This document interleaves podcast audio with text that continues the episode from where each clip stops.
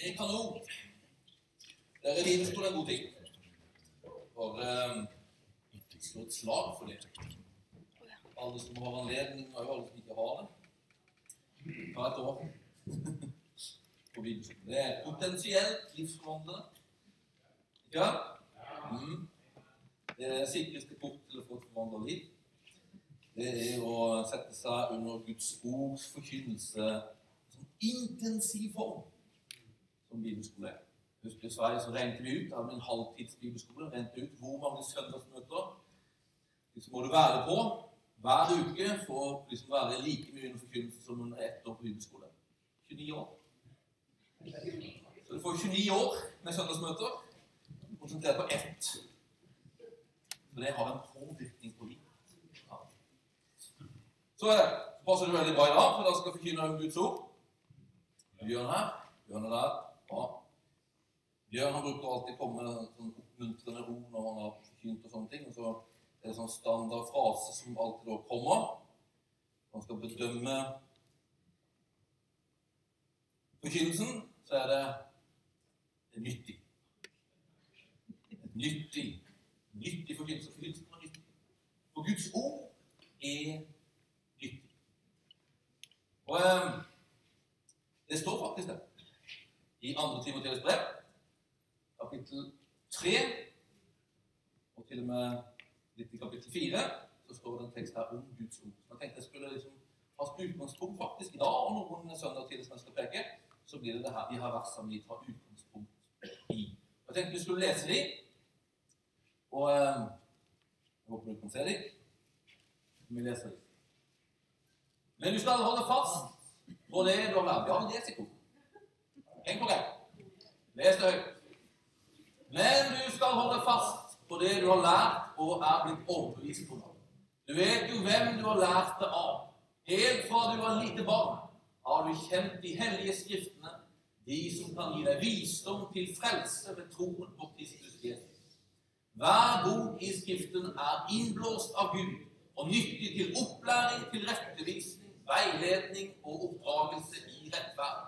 Så det mennesket som tilhører Gud, kan være fullt utrustet til all god gjerning. Så sant som Han kommer og oppretter sitt rike, pålegger jeg deg for Guds og Jesu Kristi ansikt, Han som skal dømme levende og døde. Forkynn ordet, stå klar i tide og utide, vis til rette, tal til tukt og tal til trøst med all tålmodighet og iherdig undervisning. Det er Paulus som taler til Timoteus, sin, sin liksom, sønn i troen. De orda om Guds ord. Og vi skal tale om Guds ord. Et nyttig ord i neste søndag. Og Jeg har litt lyst til å begynne som her fokuset eh, helt enkelt med å få liksom litt eksempler på hva, hva gjør Guds ord i livet vårt? Hva gjør Guds ord i, i våre hverdagsliv? Og jeg har spurt, jeg sendte sånn, ganske sånn spørsmål til ganske mange, og fikk mange liksom gjensvar på ja, de har et eksempel. De har en story på. Så nå skal det komme seks stykker fram her. Dere som har falt med, bare kom fram. Og så er jo det en sånn, det er jo en sånn den steg tro her nå. For at de liksom kan holde seg liksom kort og konsise. Ikke blir ikke mye taletid igjen til meg. Det er ikke nøye. Det er liksom litt med i beregningene da. At jeg har litt lyst til å, å, få litt liksom, eksempler på at Guds ord kan bety noe konkret inn i våre liv. I våre ulike hverdager. Dette begynner du. Sånn løpende nå. Ja. For ti år siden tenkte jeg det var, så satt jeg med kjøkkenbordet. Det var en helt vanlig morgen. Så hørte jeg en stemme inni hodet mitt eh, som sa 'Jeg taler ikke som mennesker gjør'. Kun det. Og det har jeg opplevd. Det var jo Guds stemme som For en stund siden, kanskje en måned siden, så kjøpte jeg en bil. En gammel bil. Eh, og selgeren sa at den lager en del lyder, spesielt når den har vært på grusvei. Ja vel, greit. Um, så hørte jeg litt på de lyene, og så spurte jeg pappa. Så sa han at ja, gamle biler lager lyer. det går greit. Jeg var ikke helt um, jeg, Eller jeg var usikker på det, men uh, jeg kikker under bilen av og til. sånn. Ehm, men en dag som jeg satt og hørte på de lyene, så kom det en stemme som var sånn at Vær ikke bekymret for noe. Så da tenker jeg Da bare tar jeg det.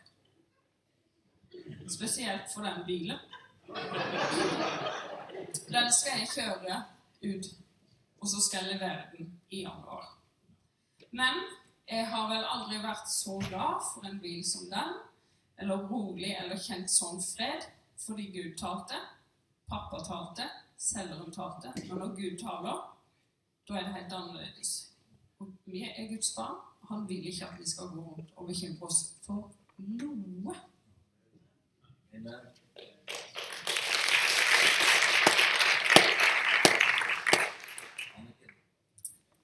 Jeg skal fortelle min historie ut fra et bibelvers.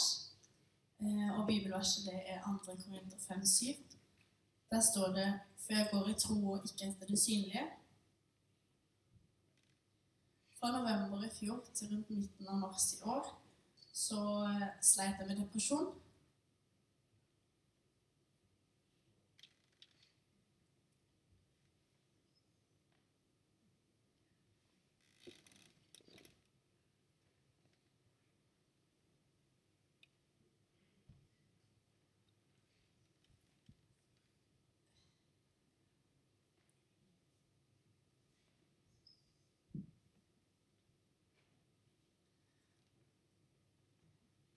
Jeg er en person som elsker livet. Jeg elsker å ha mennesker rundt meg og være til stede der det skjer. Men i denne perioden i livet så klarte jeg ikke annet enn å se mørkt på ting. Jeg lytta bort mennesker jeg var glad i, som sto meg nær, og jeg tok avstand fra enkelte ting og spesielle mennesker. Jeg følte at jeg klarte ikke å strekke til noen veier lenger. Jeg klarte ikke å møte folk fordi jeg følte alt ble en forventning. Et lite smil eller, eller et lite hei. Det ble altfor store forventninger for meg. Og det resulterte i at jeg droppa å gå på skolen. Og jeg måtte sykemeldes for jobb, og jeg klarte ingenting. Tanker og følelser om at det ikke var verdt noe. At ikke det ville utgjort noen forskjell om jeg var her eller ikke. De dukka opp hele tida. Og hver kveld i flere måneder så ba jeg om at når eller hvis jeg sovner i kveld, så kjære Jesus, ikke la meg våkne opp igjen i morgen. For meg så var dette helvete på jorda. Og jeg klarte ikke å være en god venn. For jeg klarte jo ikke engang å ta vare på meg sjøl.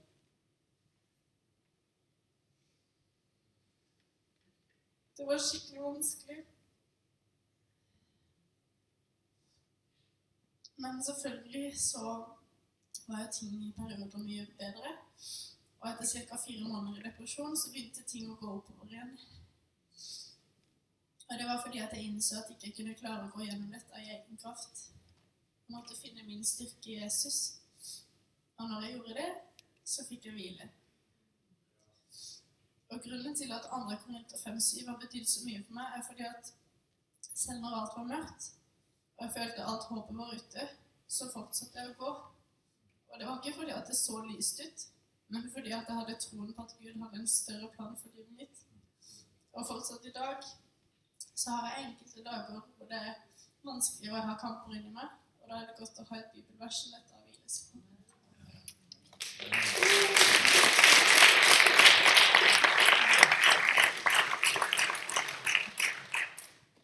Skal fortelle, skjedde for mange år siden. Det var når Mariann var ung. Jeg kom til å tenke, når Vidar skrev den meldinga, tenkte jeg at de skal jeg fortelle. Fordi at da var det veldig håpløst en periode, for hun gikk sin egen vei. Jeg har fått lov å si det. Så jeg sa det til henne at jeg skulle fortelle det. Og så hun var veldig beløftig, Det tror jeg kan, kan si. Og hun gikk ikke Mås vei. Og til stor bekymring. Og jeg ba for henne, jeg var så urolig for henne. Og det var så fryktelig. Når en har unger som ikke akkurat vil gå den veien en sjøl ønsker, så er det ikke lett. Men så var jeg på et møte med Bjørn Bergman i det gamle kirka. Og så talte han. Og de gikk rett inn, faktisk. Han, han en skulle ønske ting for de som, en, som lå en veldig på hjertet. Og så sa han de, som, eh, som beistet så fast, at de, den plassen du setter din fot, skal du ta i eie. Og de gikk rett inn hos meg, og jeg sto der og ønska at jeg så på plattforma og var med og sang. Og så ble jeg helt stille. Jeg tenkte Er det borte, liksom? Jeg bekymra meg jo ikke lenger. Jeg måtte bare takke Jesus for at, eh, at svaret var der. Ennå jeg så det jo ikke, men jeg visste det at jeg hadde fått svar. Og så var det ikke lenge etterpå, så, så var det gledesropet den gangen, da. Som eh, fikk henne med på en eh, weekend til Notodden. Og det var ikke lenge etterpå. Og så kom hun hjem igjen frelst. Og det var så bra. Og jeg tenkte Jeg setter det litt i forbindelse med Kor for alle. Tenk hun fikk lov å være med der og synge. Og så kom hun hjem igjen frelst. For de gjør noe med en når, når en står og synger om Jesus og ikke har det helt godt inni oss, så gjør det noe med oss. Ja. Og takk og lov for det. Det ordet, de, de tok jeg og åt.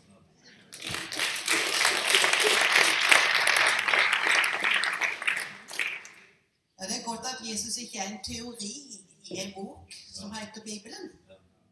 Men han er nær ved. Han lever i våre hjerter.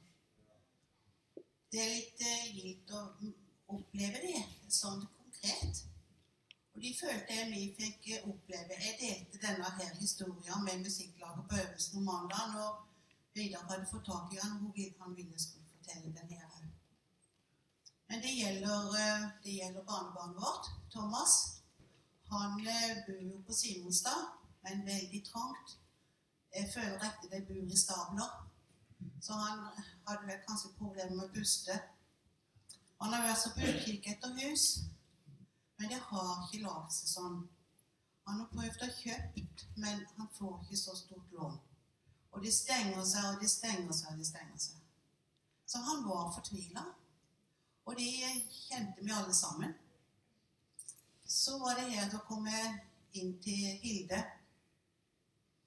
Og hun satt i telefonen med han. Og jeg hørte bare den siste delen av telefonsamtalen, og den var sånn at vi får la det gå enda en dag, Thomas. Vi lar det gå enda en dag, og så får vi se om det kan åpne seg.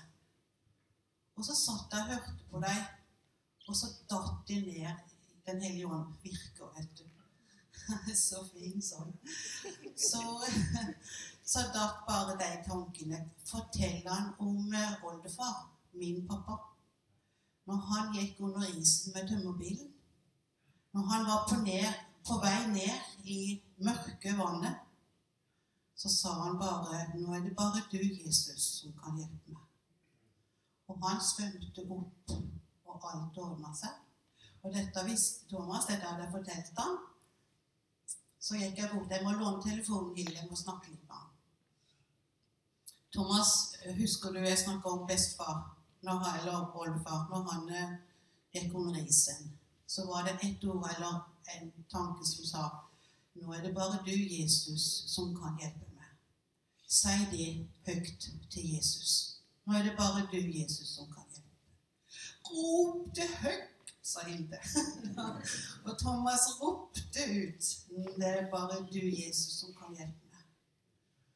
Og så, eh, så, så, så kjente han Jeg kjenner meg så glad inni meg. Jeg kjenner meg så glad i hjertet, sa Thomas. Og Hilsa de la seg bare en fred inni henne, og de kjente vi i hele rommet at det var en fred. De var, de var som at Jesus, nå har jeg tatt den døden. Og så, eh, så kom jo de årets før jeg roper, så svarer jeg deg. Det står i Jesaja.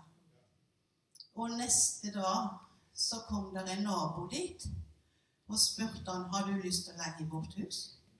Der er to store stauer og fire soverom og et digert bad. Jeg kan gå med vill i de huset. han var så lykkelig. Og de var dagen etter, og eh, der har han vært på besøk hos den naboen. For han ville ikke leie ut til, til familie. Men han hadde nok fått beskjed av Den hellige ånd at han skulle få leie det huset. Så den hadde, jeg syns det er så fint å se når Den hellige ånd virker.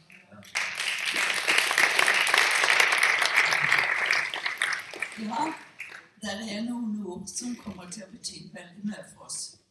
Vi har snakka om dette noen ganger igjen inni. Men når jeg ble frelst for litt over 40 år siden nå, så var jeg litt sånn ynkelig og litt sånn Hva forventer jeg av meg egentlig nå? Hvordan skal jeg være? Jeg kjente nok en glede fordi at jeg hadde tatt imot Jesus. Men allikevel så var jeg liksom litt sånn usikker. Så gikk jeg bortover veien, skulle på jobb, og plutselig Jeg hadde jo ikke lest noe særlig i Bibelen på noen år, jeg. Så i grunnen jeg var lite kjent med bibelord. Men plutselig så kom det et ord. Og det var nok Jesus som kom. For jeg hørte nok kanskje ikke akkurat stemmen, men ordet det står klinkende klart for meg, og det har jeg hengt meg inntil da. Det står i Isaiah 41 vers 10, og det er Vær ikke redd, for jeg er med deg. Se deg ikke rådvill omkring, for jeg er din Gud. Jeg gjør deg sterk og hjelper deg, og holder deg oppe med min frelser. Og da kan jeg jo være trygg i alle situasjoner.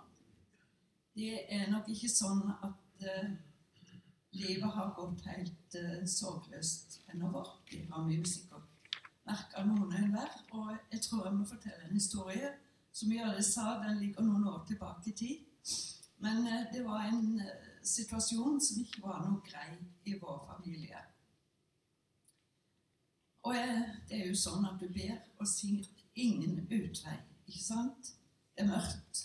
Det er svart. Du blir eh, fullstendig hjelpeløs.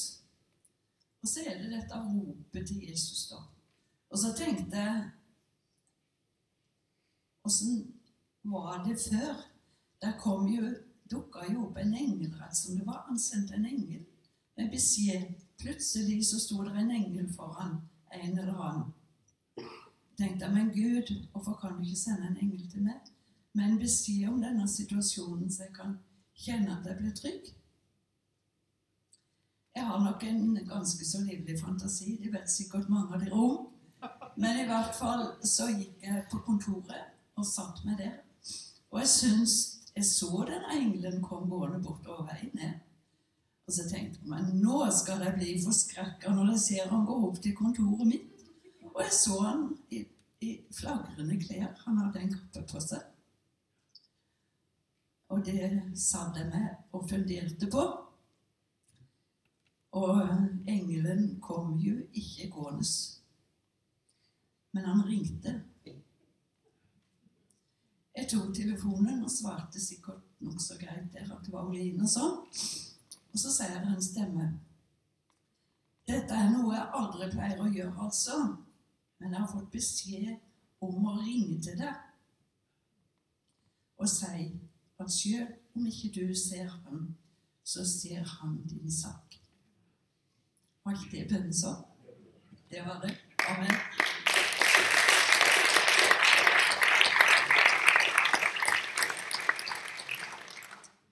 Eh, For noen år, eller en del år tilbake så skulle jeg på en reise til et land som det er veldig vanskelig å være kristen i. Da hadde jeg fått et ord på forhånd eller fra Isaiah 30. I stillhet og tillit skal din styrke være. Så det hadde jeg liksom tatt med meg. Så underveis så skulle jeg ha en overnatting i Oslo, og da skulle jeg sove hos noen som jeg ikke kjente. Um, og når jeg kom inn på det soverommet jeg skulle ha, så så jeg at det første så over senga. Der hang det et bilde, og der sto det jo da I stillhet og tillit skal den styrke være. Og når det kommer sånn andre gang, så tenker du OK, Gud, ehm, jeg, hører det, eller jeg ser det. og tok det med meg. Og så underveis på reisen så kom jeg i en veldig pressa situasjon som jeg var helt eh, Hva skal jeg si? Jeg sto helt maktesløs. Eh, og da kjente jeg veldig på dette ordet. Vær stille, Anne Kristine. Bare vær stille. Og jeg liksom sa det mange ganger for meg sjøl underveis, for det var et forløp som tok en, en del tid. Eh, og jeg var bare stille.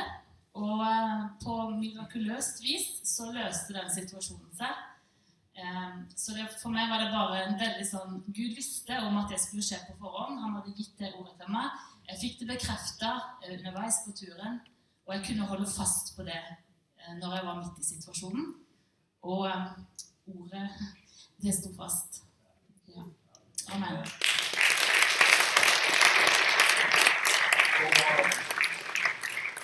Tusen takk.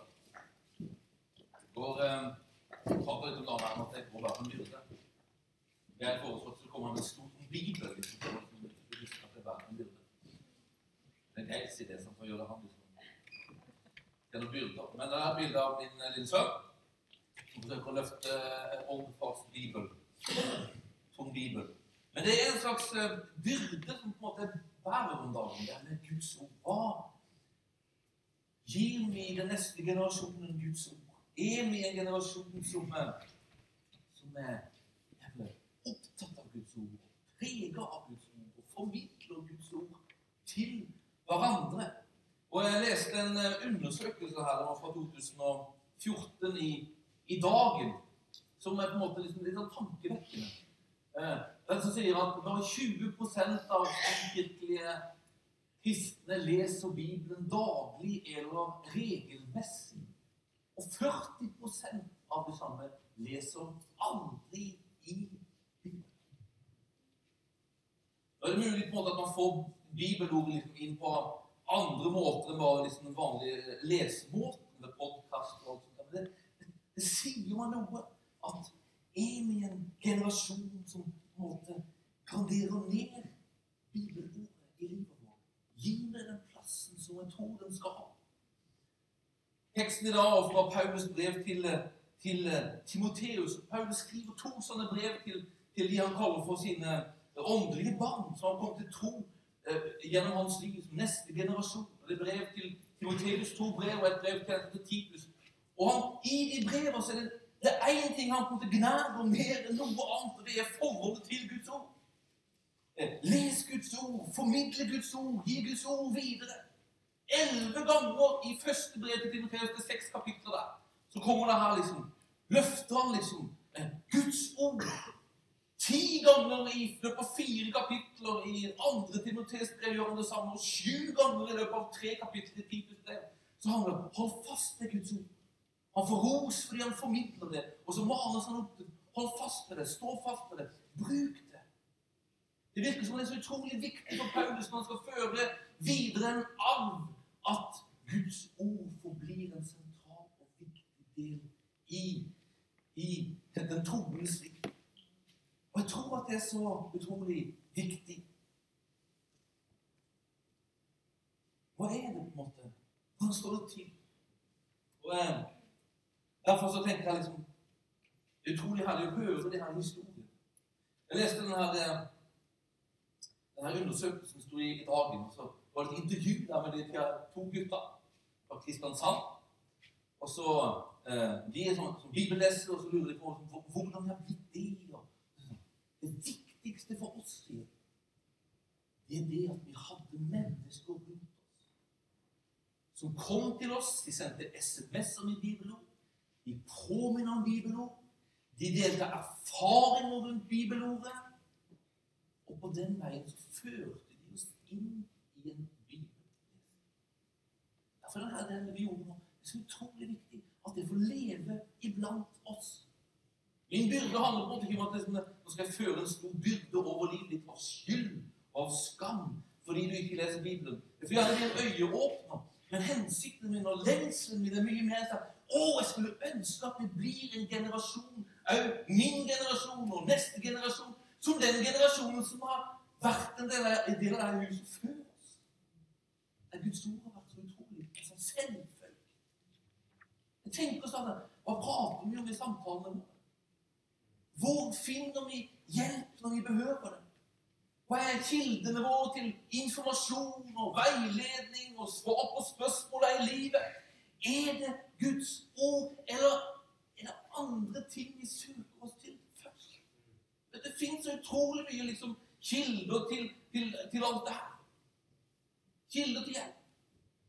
Og det er ikke dårlig. Det er masse bra hjelp å få. Men jeg tror at vi som kristen folk vi er kalt til å være ordets folk mer enn noe annet. Vi er kalt til å være et folk der Skriften er på en måte primærkilden, den første kilden, som vi søker oss til for alt i livet. Er vi der? Er du der, Vidar? Er det det vi på en måte lærer og får fostre neste generasjon inn? Jeg stiller meg spørsmålet. Still deg gjerne det. Jeg tror at det er det vi er kalt til å være som menighet. Det er de her historiene vi får leve iblant. Hjelpe neste generasjon inn i, i et forhold til Guds ord. Hva er det som er denne Guds ord som er så utrolig viktig? Jeg tror man sier det så kort som Hvis ikke det fins noe Guds ord i livet vårt, i fellesskapet vårt, så fins det ikke noen påvirkning av ham inn i livet vårt. Og fins det ikke noe Guds ord iblant oss i livet vårt, så fins det heller ikke noe Guds handling i livet vårt. Guds ord skaper noe. Virker noe. Det er nyttig, som det står. Men det betyr at det virker noe. Det gjør noe i livet våre. Og ord, det gjør noe. At dine ord gjør noe. Mine ord gjør noe. De setter spor. Jeg tror mange har gjort en erfaring av at menneskers ord har satt spor i livet vårt. Jeg tror mange har opplevd at menneskers ord har bygd henne opp, trøstet henne og hjulpet. Jeg tror mange har opplevd at menneskers ord har stukket, ødelagt noe og satt dårlige spor som faktisk skader, skader oss for, for lang tid. Jakob han pekte i Jakobs brev at orda, altså tunga, sier han, i tungas makt fins det død og liv. Tenker du over hvordan du bruker orda? Orda du bruker, har makt. Setter spor etter. Han prater om det, Jakob, at det fins en sånn visdom fra himmelen. Det er noe regn, noe fredsskapende, forsonlig, føyelig, rik på barmhjertighet, skriver han til. Gode frukter. Den er upartisk og uten hykleri. Det er orda som måtte ha som sånn kilde i himmelen. Og så prater han om at orda våre kan på en måte være preget av noe som er mer jordisk, ja til og med demonisk. Noe som på en måte skaper misunnelse. Som er preget av selvhevdelse, skryt og løgn. Destruktivt tap. Hva preger tap? Det er ord og spørsmål som er verdt å stille seg. Tenk at det du sier, skaper spor. Setter det gode spor, det du formidler med munnen din, eller er det destruktivt? Dine og mine ord skaper noe. Men hvis dine og mine ord skaper nye, noe, og mye mer, skaper ikke da Guds ord? Det blir skapt en hans avbud. Det finnes noe likhet med ham, men ikke noe som fullkomment som ham. Så at våre ord gjør noe, det er på en, en, en rest av ham Her. Men hans ord, det sitter ikke bare spor. Det er ikke bare med på å forme noe som allerede finnes. Han som fikk makt til å komme med liv der det er dødt. Ved hans ord så fins det makt til å skape. Hvorfor gjør det det? Paulus skriver til Timoteus hver bok, eller hele Skriften, er innblåst av Gud. Innblåst av Gud. Han har blåst ordet, eller pusta ordet.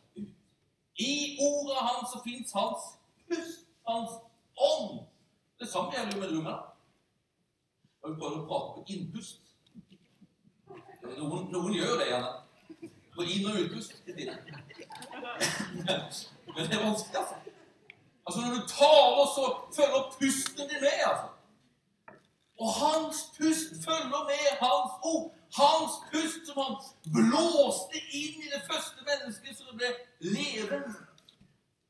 Hans ord som talte, og ting sto der som ikke fantes. Hans ord som er på en måte fylt av hans ånd. Hans ord og hans ånd virker alltid sammen. Det er hans ånd som gjør at hans ord er levende. Ser i skapelsen. Gud sier, og åndene der svever over ham og levendegjør, virkeliggjør det Gud sier. Guds ord og Guds ånd. Guds ord og Guds ånd. Det er som et sånt radarpar. I, fotballen så fins det sånne her dødelige duoer, bruker man kalle det. Altså Noen har sånn her angrepspar, spisspar, som på en måte blir kalt dødelig duoer. Husker på slutten av 80-tallet, begynnelsen av 90-tallet, så var det Crystal Palace, et lag på England i London. Har det spesielt nå til det som er fotballinteressert? De hadde en spissdue som heter Mark Bright og Ian Wright. Du det? da? Husker det? Ja, ja. Bright og Wright det var jo så kult. det. Bright og Wright. Det var noen dødelige duo. Var det døde duo? Fordi de tok nærmest livet av motstanderen. De bare skåret masse masse mål som gjorde at man beseira motstanderen. Og Blackburn Rovers litt senere, de hadde en, duo som heter SAS, altså SAS. Det betyr Shearer and Sutton. De skåret masse mål. Og på en måte beseira motstanderen. Man kaller det dødelige duo. Husker jeg spilte fotball på Froland. Det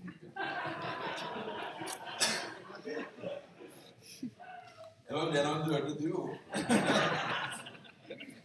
Jeg og Svein Åge Lauvak. Vi var en duo som var 11-12 år. Jeg tror vi var en dødelig duo. Problemet var å spille sjuerfotball. Så vi har plass til én spiss. Han spilte spiss da, og jeg spilte midtbane. Men jeg var jo så glad liksom, å spille spiss og fiske liksom, og var lat. Ja? Så jeg, trener merka det, han kommer jo aldri hjem igjen. Altså, han spiller i midtbanen. Så jeg fikk streng beskjed videre. Det er ikke er vanlig blant elvere. Du er defensiv midtbane. Jeg valgte ikke at jeg skulle spille midtbane, men defensiv midtbane. Så jeg skulle sikre seg at jeg kom tilbake. Vi gjorde masse mål her sammen. Jeg som defensiv midtbanespiller og han som spiss. Men dødelig du. Vet du hva? Ordet og ånden er en duo. Ikke en dødelig duo, men er livgivende. Livgivende Du. Ordet pluss ånden er liv. Liv. liv. At Gud, kan bygge liv, bringe liv, handler for liksom å gjøre ting i denne verden gjennom sitt ord. Står i Amos Gud, han gjør ingenting. Herren Gud gjør ikke noe uten å åpenbare sitt skjulte råd for sine tjenere. Han gjør ingenting før han taler. Han gjør ingenting uten å tale det. Som Gud ikke får tale inn i ditt liv og inn i våre menigheter, så får han ikke gjort. Altså, Det er på en måte ordets funksjon i det Gud ønsker å gjøre i ditt og mitt liv. Han handler. Guds ord er ikke tomt. Det er ikke teori. Det er skapende og livgivende. Fordi hans, med ordet følger hans ånd. Hans liv. Og gjør ting. Han gjør det han vil gjøre. Bildet der er en båt. Det er en legobåt. Det er Theodors legobåt. Theodor er glad i å bygge båt og, og, har sånne ulike ting han er fokusert på. Akkurat nå så er han veldig fokusert på Titanic. Gamle skuter Titanic. Fascinert av den. Spør og graver Så ingen kan svare om Titanic. Og har Titanic på en måte hva den hadde i tankene sine. Han nærmest liksom visjonerte denne Titanic, og så, så tenkte han så, kan han bygge Lego, og så hadde han en sånn båtbunn. Så bygde han en båt oppå det ut fra nærmest det han så for seg at Titanic så ut som. Han bygde det han ville, tenkte, planla, var opptatt av det han ville se, bygde han ved Lego. Sånn er det med Gud. Han vil gjøre ting i ditt liv. Han vil bygge i ditt liv. Og vet du hvordan han gjør det? Han gjør det med Lego. På dansk betyr Lego 'leg godt'. Visste du det? Det er Lego. Leg godt. Men Legoet er et verb å lese. Det betyr 'jeg sier'. Jeg sier. At Gud han er fullt av tanker om ditt liv. Han er fullt av tanker om vår menighet. Han er fullt av tanker om vår bygd. Hvordan skal det bli en virkelighet for ham? Theodors løsning var at jeg bruker Lego. Guds løsning er at jeg bruker Lego. Jeg sier Ta Det er hans redskap, og det er hans byggeverktøy. Hans ord. Det har alltid vært det. Det er ved skapelsen, det er gjennom Det gamle testamentet, det er når frelsen skal fullbyrdes, så blir ordet kjøtt. Og så kommer ånden der og virker gjennom ordet som ble kjøpt i Jesus Kristus. Og så virkes det fram en evig frelse. Gud virker alltid når han gjør noe gjennom sitt ord. Som er innblåst og inspirert av hans liv. Jeg sier. Han vil si noe.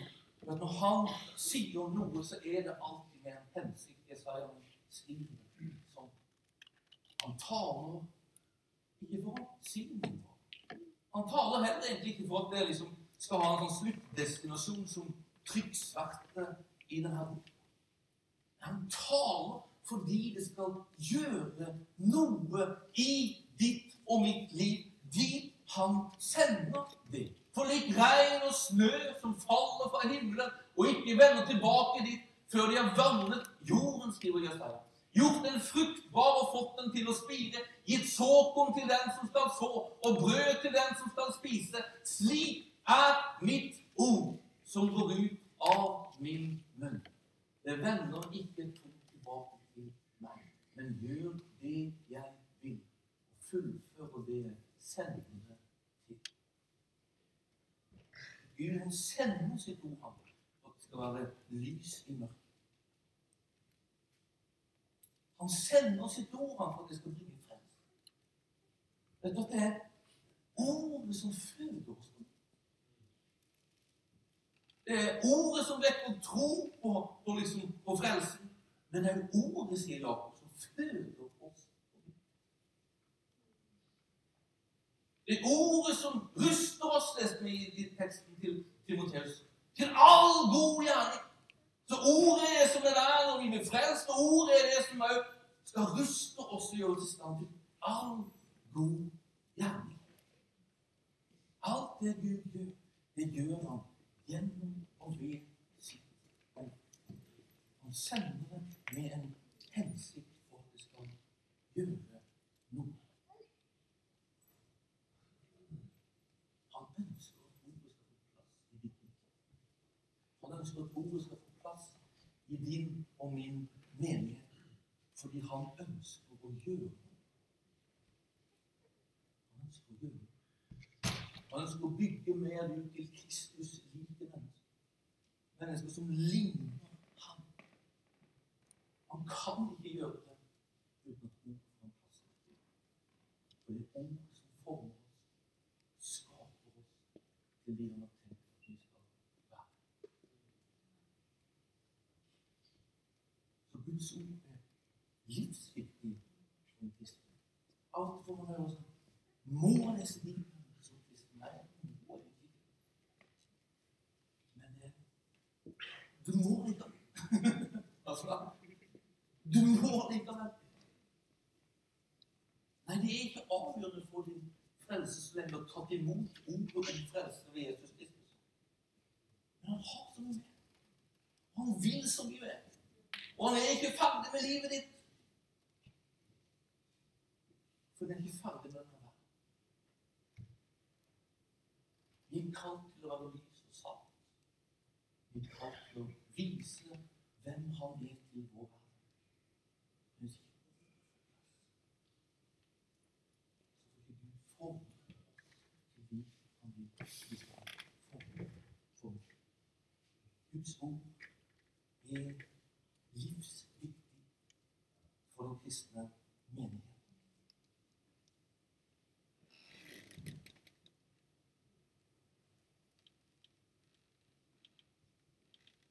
det sies som denne gamle kirkelederen.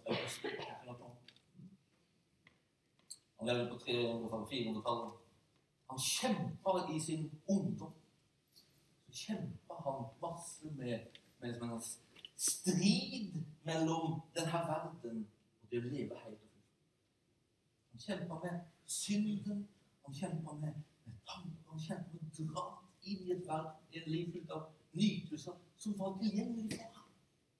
Samtidig så dros han til et liv for Gud i, i, i hellighet og, og fromhet. I. Kjempa.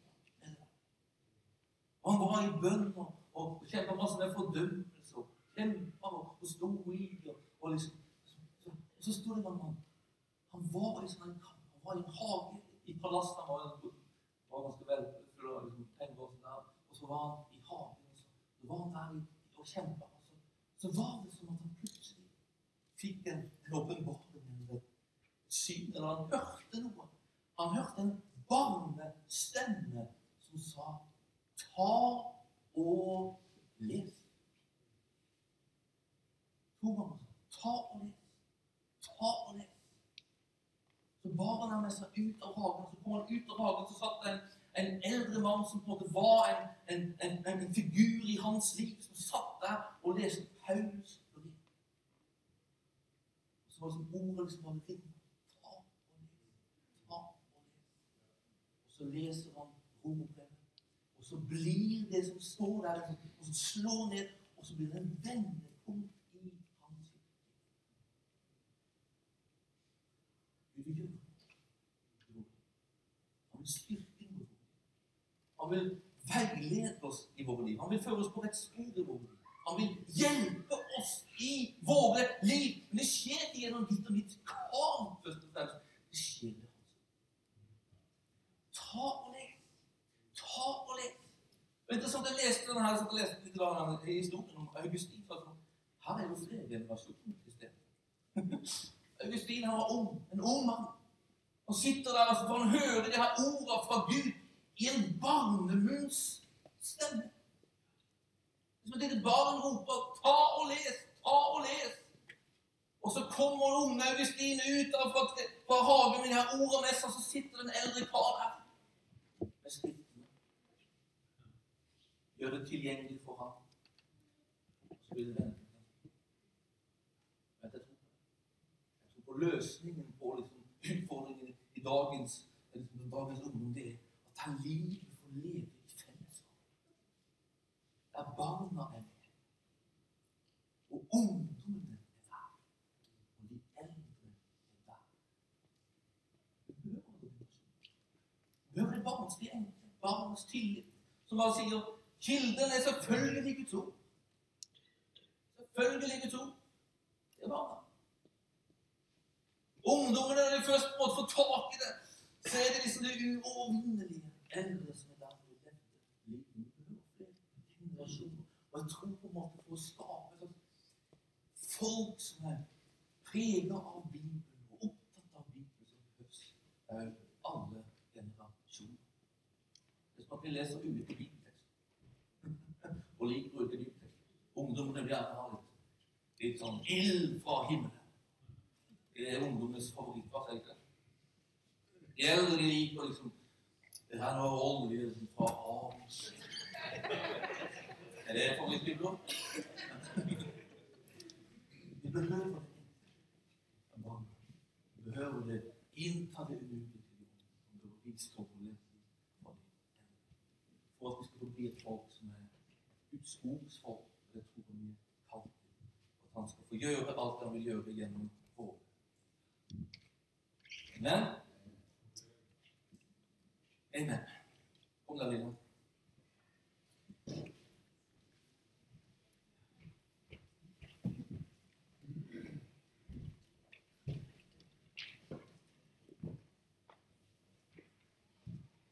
Skal jeg be en bønn? Så vi den jobba. Så er det åpent alltid som alltid hos oss er det åpent for forbund her foran. Opplever du på en måte at du påminner deg om et ord eller hvor den du ønsker å dele, så det veldig godt til det. Da ta en stund. Så er det her litt sånn Det er litt ransom. Hvor er vi i livet vårt? Hvor, hvor er Bibelen i livet vårt? Hvilken plass har den i våre Har den rett? Hvis noen rundt oss som kan hjelpe oss. Ha en stund sammen med Gud. Vi tar en god stund i lovsang og Tibet som urfører. Så bare kjenner deg fri til å gå i kafeen fremfor det, men her inne så tar vi en, en stund i, i fellesskap og